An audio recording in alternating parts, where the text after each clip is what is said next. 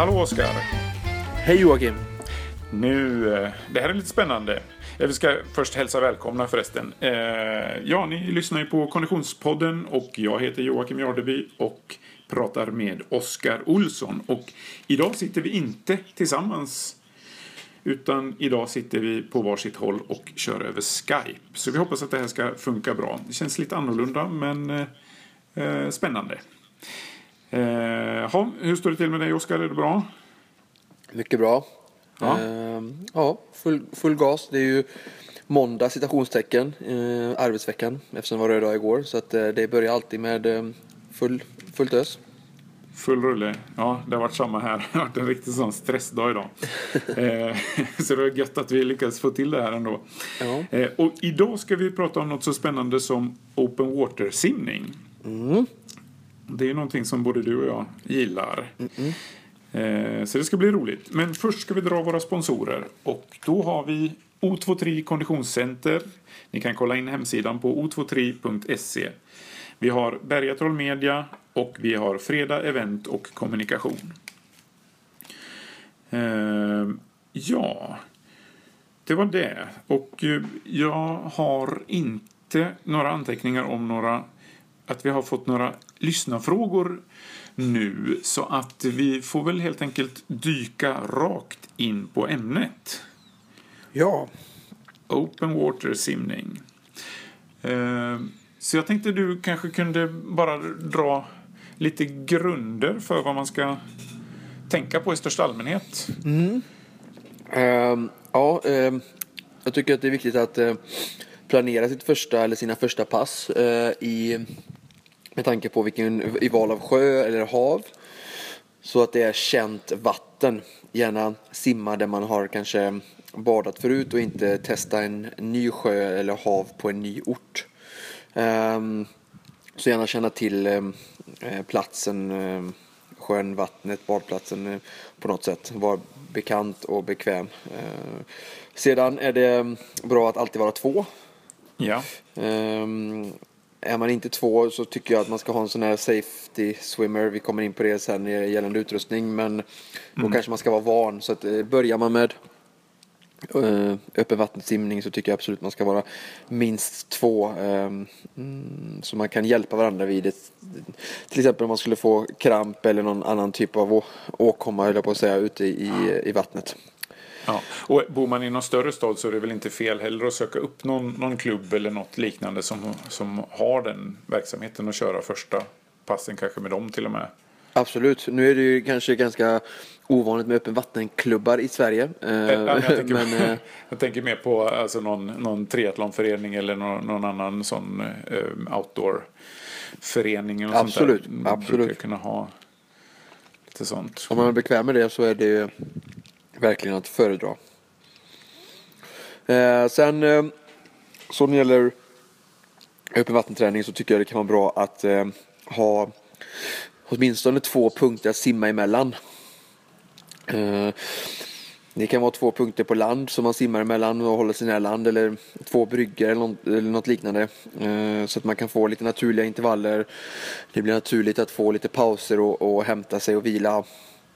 Så att det inte blir för långa stinter i början. Eh, det tror jag också är viktigt med öppen vatten att man verkligen får, får lite kortare eh, simsträckor i början och inte bara simma rätt ut i öppna vattnet, havet. Nej, just det. Det är väl bra att hålla sig ja, precis nära land om man inte vet riktigt hur, hur långt man orkar och Nej. sådär. Man kan vika av. Mm. Ja, men det är bra. Det är ju lite sån allmän säkerhet. Det är ju nästan det absolut viktigaste såklart Ja. i just, just det här sammanhanget. För jag menar, om man får kramp eller svimmar eller någonting när man är ute och springer så, så kanske, händer det kanske inte så mycket. Men eh, gör man något liknande när man simmar så kan det ju få väldigt ödesdigra konsekvenser. Så är det. Ehm, ska vi gå in lite grann på... Vi kommer tillbaks lite grann på, på, på allt det här. Ehm, men ehm, jag tänker, ska vi ta lite utrustning och bara gå igenom vad man eh, använder och vad, man, vad som är bra och dåligt och sådär. Ja. Ja, förutom badbyxor då, som man kanske, eller något liknande som man med fördel har då. Eh, Våtdräkt är väldigt bra. ja, våtdräkt, precis. Och det är ju en, en ett eh, helt stort ämne för sig. Eh, för det, det, finns ju så mycket att säga om våtdräkt. Men eh, de viktigaste punkterna ja. är väl att man håller sig varm för det första. Ja. Och man får lite extra flytkraft. Ja. Och man... Framförallt är det ju flytkraften och värmeaspekten skulle jag säga ur ett säkerhetsperspektiv. Ehm, då man lätt kan bli nedkyld och ehm, eh, den här flytkraften man får eh, hjälper ju även ehm, än att eh, alltså det krävs ju mindre arbetsinsats för att ta sig framåt och så simmar man med bara barbyxor så är man mer utsatt och ja, så det är som man får, jag har som en, en flytboj med sig lite i, i våtdräkten själv. Så att, eh, att ha mm. våtdräkt i början är ju, man, man kan ju i princip nästan bara lägga sig på rygg och eh, flyta. Precis, om man skulle, om man ja, skulle råka i, i mm. något eh, nödsituation eller känna sig för trött eller, eller på något sätt Precis. Vara utsatt. Ja, precis. Och, och sen bara lite för kul också så är det ju så att man simmar lite fortare med våtdräkt. Så är det verkligen. Man brukar väl säga någonstans runt 10 sekunder per hundring eller något sånt. Och det är ju ganska mycket. Ja. Stor, stor förbättring som man får gratis när man, när man tävlar i, i nu blir det ju samma för alla såklart, men man känner sig ganska snabb. Och det är roligt. Ja. Um, vad, vad, vad, ska jag säga, det här är ju en, en, en svår grej att testa ut speciellt sin första våtdräkt eh, naturligtvis. Har man haft våtdräkt tidigare så vet man kanske lite grann vad man vill ha och vad man, vad man eh, eh önskar sig och sådär. Men, men har man aldrig haft våtdräkt innan så är det ju en eh, lite knepigt. Vad, vad, vad, skulle du säga man behöver tänka på där? Ja, idag så tror jag tyvärr att många beställer sina våtdräkter på, på um på nätet och sådär. Och det tycker jag är lite obra när det är första gången. För det är mycket av det du säger eh, stämmer och eh, det är väldigt viktigt att få en bra passform tycker jag. Eh, över mm. axlar och över kroppen överhuvudtaget. Eh, och vara bekväm i dräkten. Den ska ju sitta åt ordentligt men eh, inte så att man känner sig instängd heller kanske för den eh, ovane simmaren. Så att ha lite expertisråd med folk som säljer våtdräkter live eller över disk så att säga. Ja. Med bra tips tycker jag är att föredra om man, om man kan göra det. Ja, det är ju nästan som man, skulle, man vill, om man har möjligheten, simma med par olika dräkter och, och, och testa ju. För ja. att eh, jag upplevde eh, att eh, det är en enorm skillnad mellan eh, mellan en, en, lite tyngre, alltså som är tyngre att röra sig i. Speciellt över axlarna och så är det ju men med en riktigt bra våtdräkt så, så rör man sig ju i princip lika obehindrat som utan våtdräkt. Men, Precis. Eh, men med en dålig våtdräkt eller en dålig, en, ja, lite tjockare, lite kanske billigare, lite äldre våtdräkt så, så kan det ju bli man blir ganska trött. Ja. I, alla fall jag känner man blir trött i axlarna och så. Man... Och sen ska man veta det också att eh, det kan vi också nämna att eh, eh, det, alla våtdräkter är ju inte särskilt bra, lite bättre, är inte gjorda att eh, kråla i. Så man ska veta om man, alltså gjorda för att eh, bröstsimma i. Så man ska veta eh, om man eh, kan kråla eller behöver bröstsimma emellan så kan man ha en dräkt som är mer anpassad för det. Jaha, det finns, det visste inte jag. Det finns alltså dräkter som, som funkar att simma bröstsim i? Eller som ja. är anpassade? Jaha. Så, nej. Och till exempel då nu som jag jobbar med ett märke som heter Tutans U. Eh, och de har en instegsmodell som är, eh, som är gjort för, för typ Vansbro-simmare och sådär och eh, den funkar ju väldigt bra för att både kråla och eh, bröstsimma ju då. Eh, ska man bara kråla om man är duktig krålare så kan ju den vara eh, lite liksom, alltså klart då är inte den max, maximerad så då kan man ju få lite sämre om man tänker sig att man tävlar mot någon som har en riktig riktigt bra våtdräkt. Ehm, men det är ju som sagt också en, en kostnadsfråga alltid. Så att man får ju ställa det mm. lite ifrån, i förhållande till hur mycket man tänker använda dräkten. Ska man bara simma ett lopp eller träna två, tre gånger så är det svårt att motivera en dräkt för 4-5 tusen kanske. Ja, verkligen. Det, det, kan ju sticka iväg i pris eh, utan problem. Och det, det är ju som med allt. Vad, hur mycket förväntar man sig att få ut av det då? Ja. Ehm, ja. Eh, ja, sen, ja, så det, det, är väl, rådet är väl egentligen att, att försöka hitta, ta hjälp där utav uh, uh, folk som, som kan det här bra och att gärna få testa på då vilken man ska ha och man får nästan läsa på lite grann för sin egen, sin egen situation då innan. Eh, men i övrigt då med våtdräkten, det som jag upplevt ibland är ju att man kan få skav i nacken till exempel. Det är bra att eh, smeta in sig lite grann med någon form av eh, vaselin eller någonting i, i nacken så man slipper få, få skav där. Och sen måste man ju vara väldigt försiktig när man drar på sig och framförallt drar av sig våtdräkten och, så man inte pajar den.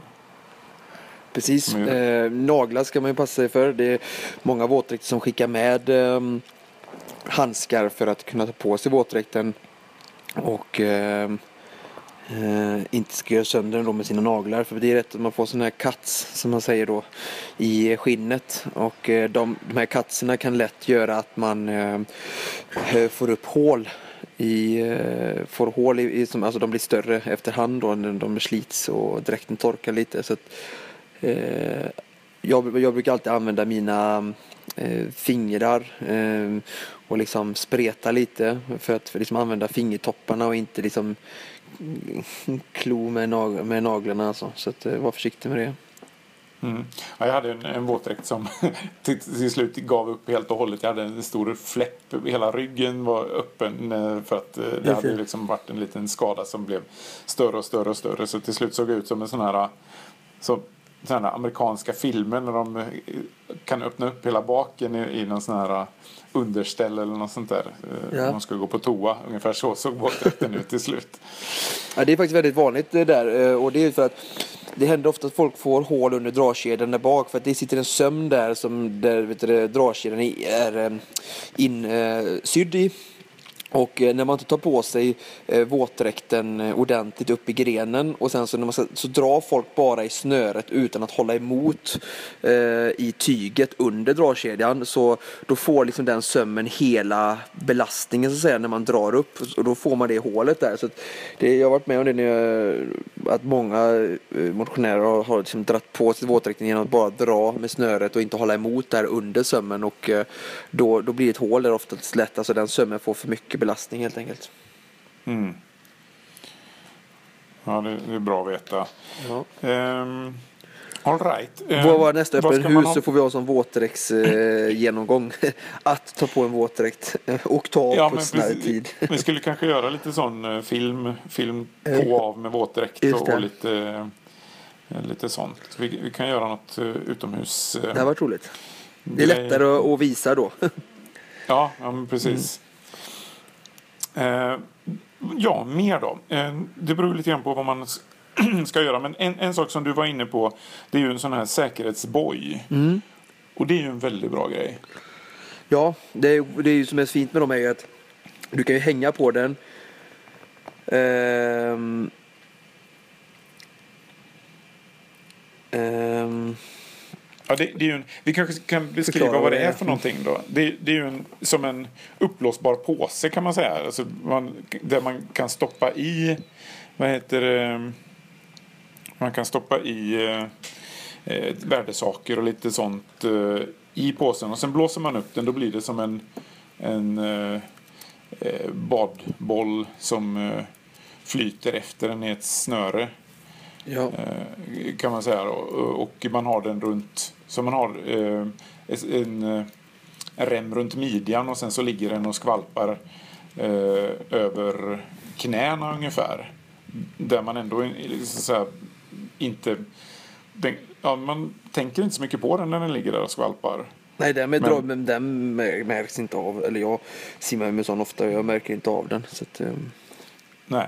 Och så har man ju, den är ju oftast klar-orange eller något liknande så man syns lite bättre för båtar och, och sådär. För det, det, är ju, det är ju åtminstone när man är ute i lite större sjöar eller hav och så, så är det ju en, en, eh, en faktisk risk där att det kommer någon snabb båt som inte ser den och, och sådär. Så, att, så det är inte så dumt heller att bli lite mer synlig. Verkligen inte. Min är rosa, det är väldigt praktiskt. De brukar vara i någon klar färg. Ja. Eh, så det, det kan man ju rekommendera. Eh, de har väl lite olika namn men Safer Swimmer finns det till exempel. Om man googlar på det så, så hittar man säkert en sån. Eh, glasögon då? Vad, vad använder man för, för typ av glasögon bäst eh, på open water? Eh, ja, eh, det finns lite olika. Eh, jag tycker att den ibland den här tenderar till att köpa stora glasögon. Ehm, eh, och eh, det är ju inte bra. Ehm, Ehm, jag tycker att man ska hålla sig ganska litet men, men det är bra om de är bekväma med liksom silikonkanter och sådär. Ehm, det är mm. en djungel där ute, det finns mycket skit. Eh, så att eh, gå inte på det billigaste. Eh, för de immar oftast och, och har dålig passform. Eh, det är viktigt att man kan se ute. Det är gärna bra att ha lite typ av solskydd eller alltså eh, färgat glas. Men du skulle rekommendera, i princip låter det på, nu vet jag inte om man tolkar dig rätt, men eh, du skulle i princip rekommendera eh, Förutom då med, med färgningen på glasen och sådär. Men, men just stilen på glasögonen är ungefär detsamma som det man använder när man simmar i bassäng och så eller? Eh, tolkar jag dig rätt då? Um, lite så ja. Alltså lite närmare. Så inga, inga jättelika sådana Ehm, är det några speciella eh, märken? För jag, jag, tycker det kan vara svårt ibland. Man, man hittar något, på, något märke och så kör man det ett par tre år och, och ett par glasögon och sen, sen finns inte de längre så har man jättesvårt att hitta några nya som är bra och sådär. Men ehm, har du några tips hur man ska gå tillväga?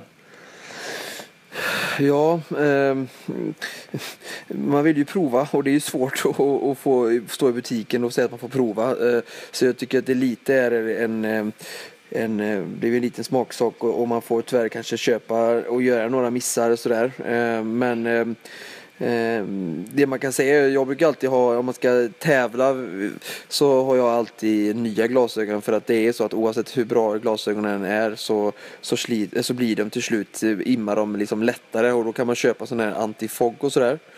Ehm, men ehm, annars så ska de ju vara bekväma, tänka på att olika glasögon passar olika ögonhålor. Ehm, alltså beroende på hur man eh, ser ut. Så eh, man får ju testa och känna att det känns skönt eh, i butiken. Ehm, och sen, ehm, ja, gärna färgat glas, inte för stora. Det har ju varit populärt med sådana här stora goggles nästan. Liksom, det tycker jag, det, det är bara i vägen oftast. Mm. Ja, just det. Nej, precis. För det där med att det immar, det blir ju så här mikrorepor som, som gör anvisning för vattendropparna att samlas och sådär så att det blir imma. Ehm, så det är nog smart att ha nya. Ehm, sen då, eh, när man ska göra en vanlig ja, typ Ironman eller, eller någon eh, vad heter det, Vansbrosimning eller liknande så, så är det ju då är det väl inte så mycket mer utrustning sen då. Eh, men om man sen ska gå på swimrun så har man ju ytterligare ett par grejer då. Ja. Dolme och paddlar. Eh, ja. Har man något speciellt att säga om det? Ja, där finns också en uppsjö och eh, åter där igen så är det bra, eh, säger jag, att man ska försöka eh, träffa någon som har gjort det förut så man kan få lite mer hands-on tips live. Eh, men det är kanske det vi ska samtidigt eh, ge här. Eh, mm. Men eh, ja, det finns lite olika lösningar. Jag tycker att dolmen är bäst att ha i skumgummimaterial. Eh, ju större dolme ju bättre är det för att du vill, ha, du vill ha mycket flytkraft eh, så att du skorna åker upp ordentligt. Eh, jag tycker det är enklast att göra så att jag gör ett hål i skumgummidolmen och så drar jag ett ett bra resårband. Eh, viktigt att det är ett resårband som är bra elastiskt men väldigt hård, hård resår så att den sitter tight runt kroppen. Eh, och inte för att, så att den verkligen liksom, eh, sitter fast ordentligt när du springer med den som i swimrun då. Ehm, och sen så är det bara att fälla ner den in under benen när du simmar och sen så vrider bak bandet. Eh, alltså man vrider, man har ju den så att dolmen är centrerad framför dig, eh, rakt under naven. Och sen stoppar du in den under benen och sen så har man den, vrider man bandet eh, 180 grader så att du har den på ryggen när du springer sen då. Eh, och även om man bara håller på med öppet vatten och vill ha hjälp att simma, simma armsimning till exempel så kan man ju göra det ändå fast man inte har, håller på med eh, swimrun. Men då ska man fortfarande ha fast den i ett, i ett band tycker jag för att eh, eh det är lätt att, och, att, den liksom, att man, så man slipper liksom knipa oroa sig för det. Kniper man inte tillräckligt den lossnar så, så hänger den ju kvar liksom, så slipper man vända och den flyter iväg och sådär. Mm. Ja, jag såg faktiskt det häromdagen för första gången. Jag har inte kört någon swimrun-tävling och sådär. Det, såg, det var rätt smart. Eh, smart lösning faktiskt. Eh, ja, eh, men då har vi väl gått igenom lite allmänt med teknik, eller vad säger, teknik, tek, utrustning menar jag. Och nu skulle vi snarare gå in på, tänkte jag, eh, simteknik. Och eh, vad vad ska man säga om, om eh, simtekniken då för, eh, det beror lite grann på hur vågigt det är naturligtvis och så men eh, kan väl gå igenom lite till grunderna för det. Ja, eh, alltså simtekniken utomhus är ju eh, jag tycker jag personligen att den ska vara mer eh, högre frekvens och lite mer eh, alltså gräva sig fram lite mer än en, en, eh, en fin simning. Det, för det handlar ju om att, att hela tiden, man vill ju ligga verkligen så högt upp som möjligt i vattnet eh, för, för att se. Eh, så att eh, om man har en låg frekvens så kan man ju tendera till att liksom sjunka ner lite mer. Ehm, här tycker jag det är viktigt att, eh, att man kommer lite, ännu lite högre upp och det får man ju verkligen också med hjälp av eh, eh våtdräkten. Ehm, också tänka på att ehm, inte, navigering har vi ju Eh, också som en viktig del och då är det extra viktigt tycker jag att när man navigerar att man har en bra benspark för att det är så fiffigt att när huvudet flyttas ovanför ytan så sjunker ju benen som kompensation eftersom att benen sitter ihop med överkroppen då. Ehm, och då bromsas ju det mycket men då kan man ehm, ligga kvar horisontellt och inte liksom få i draggen och bromsa så mycket vid navigering genom att uh, vara medveten om att liksom ha en, en aktiv benspark, uh, kanske lite extra i det läget då. Mm.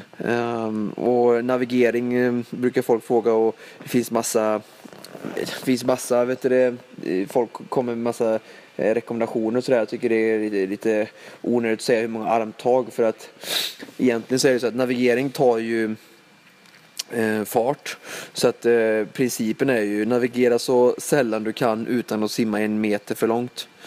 Um, och mm. uh, hur gör man det då? Man, man, uh, man har en sjö um, och så simmar man mot en fast punkt och så, så, så lär man sig, så provar man att simma 30 tag um, Eh, Eh, utan att navigera. Och så ser man vilket håll man drar åt. Så vet man att man drar åt höger och så vet man kanske hur, hur mycket man tappar. Och så provar man att simma mot samma punkt igen. Och så simmar man med 20 tag och 10 tag. Och så, så ser man liksom hur, hur, så lär man sig det ganska bra tycker jag. Eh, hur många tag klarar jag att sikta innan jag behöver titta och, och, och korrigera. För att jag vet att jag liksom tenderar att glida åt vänster eller höger. Och alla i nio fall av tio eh, simmar ju åt, lite åt något håll då, eh, snett. Eh, när man inte har någon referens i botten så. Ja, det är ju rätt så fascinerande att se när man, man är ute och simmar ett, ett större gäng att folk drar ju verkligen åt alla håll. Så är det. det, det är ju, fältet delar upp sig åt, åt alla håll.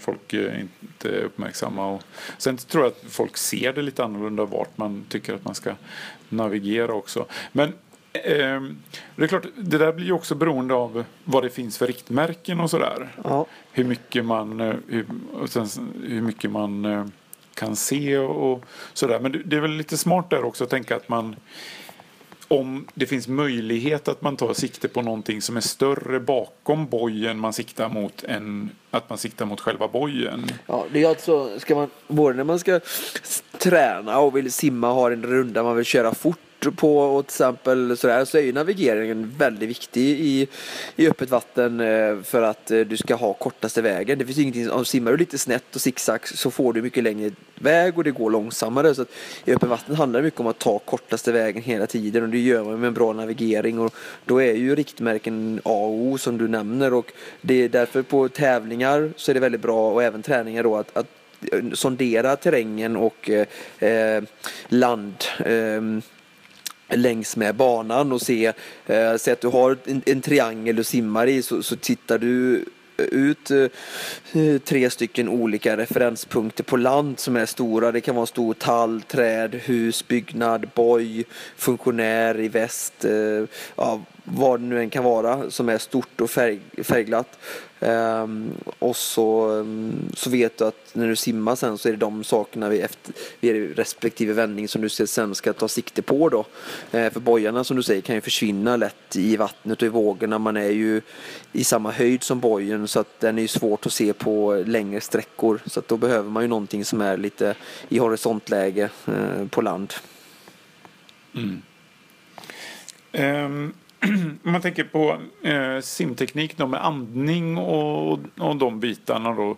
Just eh, med, med om det blir lite vågigt och sådär. Det kan ju vara många som upplever det som ganska läskigt. Eh, s- eh, när, när det börjar gå lite vågor och sådär. Eh, hur, eh, hur ska man tänka där? Och Ja, det är ju så. Det, kan- det, är ju, det är ju att an- andas ännu mer så som man, vi blir alla lärda i crawlskolan av olika crawlaktörer. Att man ska ju i simning ska man ju andas ner i armhålan bakåt eh, för att skydda.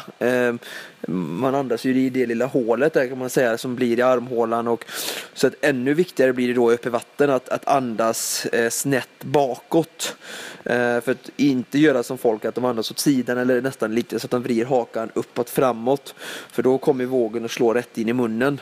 Eh, men det kommer ju väldigt sällan eh, att du slår in en skvalpare, en våg in bakifrån. Även om du simmar i medvind så, så, så kan du fort, då ligger du på vågen och surfar och, och kan också andas bakåt. Så att det blir än viktigare i de lägena och de förhållandena att andas eh, snett bakåt. Jag brukar ha det som referent att jag ska åtminstone se någonting som är klockan fyra, klockan fem eh, från min simriktning då. Eh, om du är med på vad jag menar. Det. Använder du, för det var i och för sig en, en ny tanke för mig lite grann. Jag, jag eh, gammal polospelare och så, så jag ligger ju ganska högt med, med, i vattnet överhuvudtaget. Så, där, så jag har sällan något problem med navigeringen även om jag kanske gör lite för mycket av med för mycket energi då med i min simning istället. Men eh, ta, använder du, när du tittar, tittar du bakåt, använder du även referenspunkter bakåt för navigeringen alltså? Ja, precis. Eh, eh, inget sånt som jag har studerat ut innan men eh, jag, jag, jag, jag, jag tänker att eh, när jag har en bra andning så ser jag någonting som snarare är snett bakom mig än snett framför mig. Då vet jag att jag är rätt. Mm. Så simmar jag i en sjö där jag simmar ofta och så ser jag någonting som är framför mig eller åt sidan så vet jag att nu simmar jag, eh, nu, nu, nu andas jag fel. Utan man ska ha, ligga på huvudkudde på, på, på armen i ett sträckt läge och så titta snett bakåt. Eh, så, så, så kommer man in i den lilla hålan där och, och, och eh, f- få luft utan att eh, höja huvudet eh, jättemycket och få in vatten mellan huvudet och armen då i främre läget som blir som en stor broms.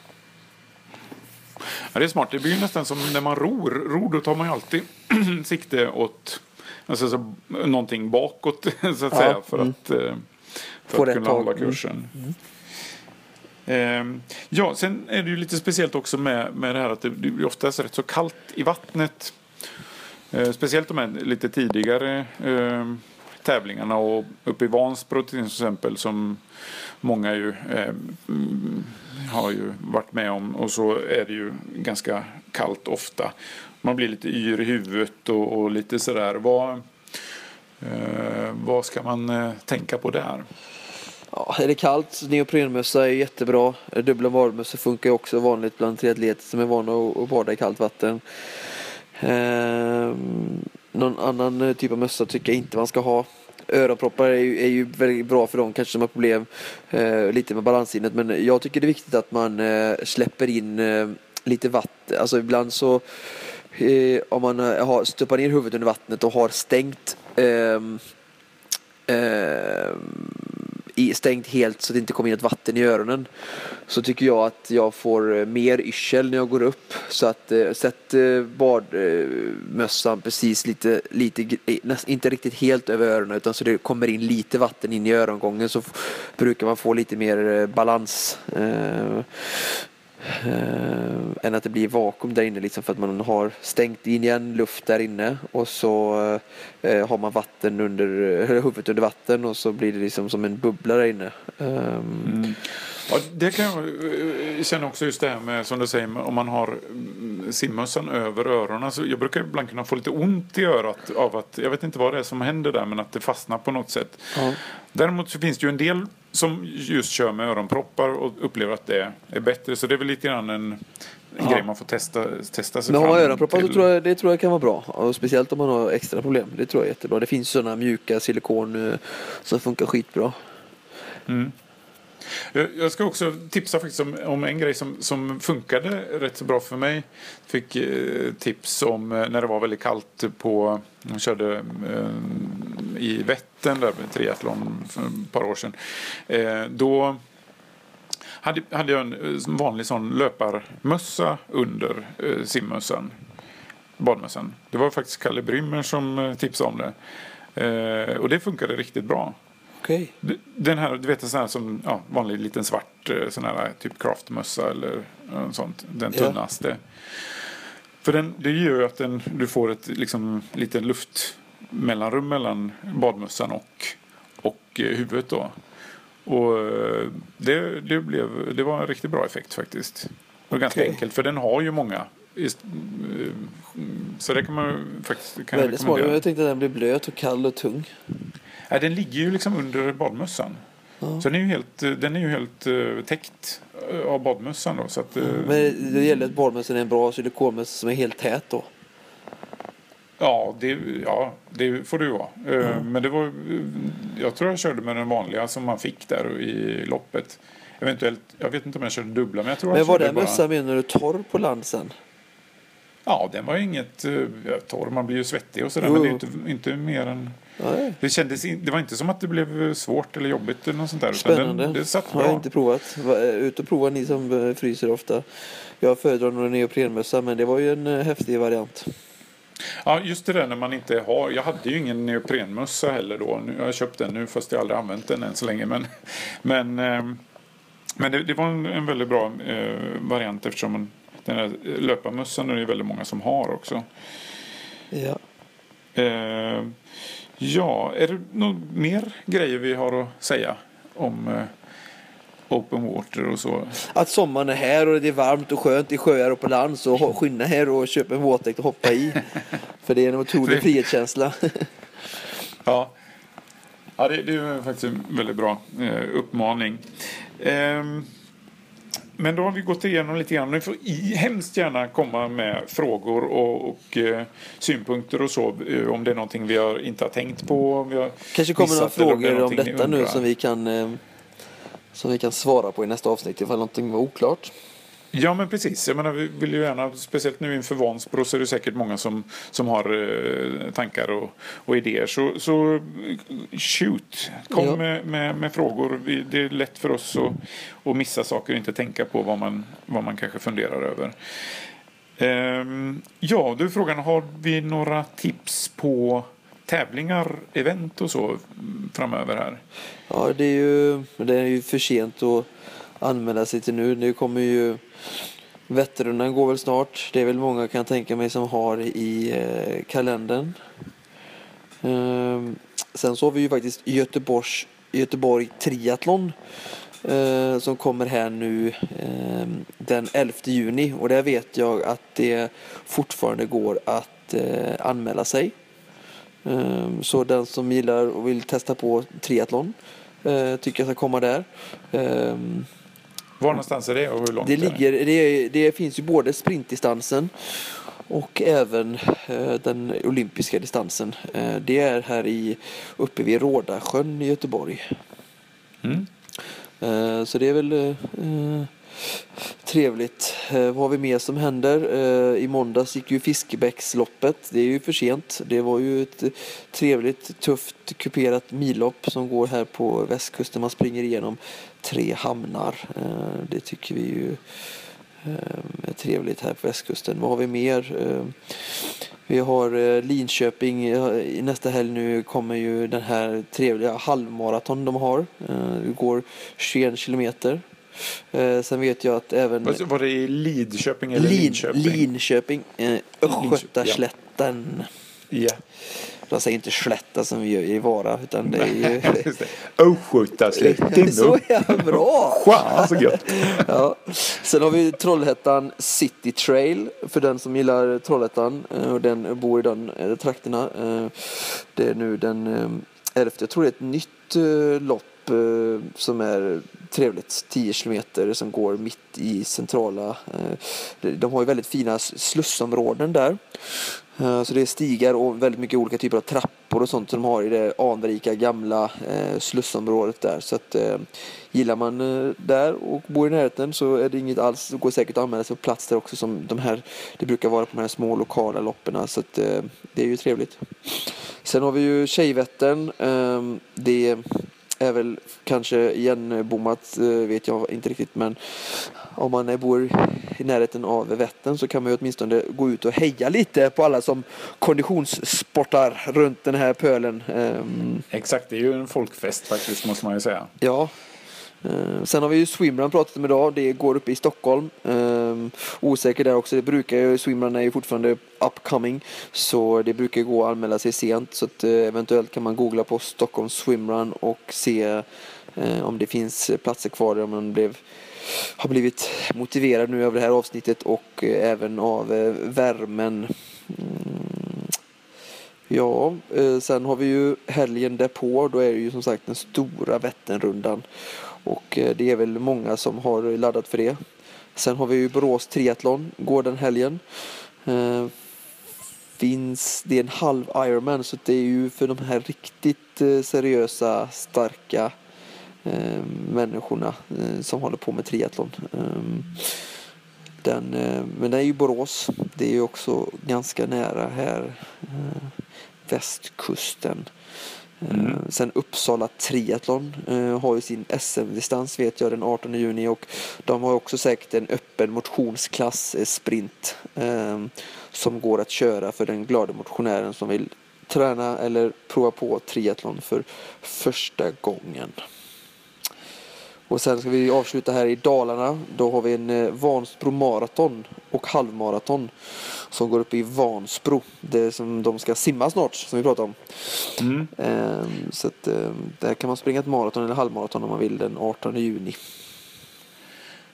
Är det i samband med, för de har väl en hel vecka där med olika lopp eh, Ja, precis. eh, Det är faktiskt, det börjar senare den här veckan. Den första, det är väl första helgen i juli tror jag. Och sen så har de något cykellopp där i, i mitten av veckan på onsdagen tror jag. Och sen går det triathlon eh, den andra helgen där. Så att ja, eh, det är, eh, det är en vecka men det är lite senare. Det är efter midsommar det börjar.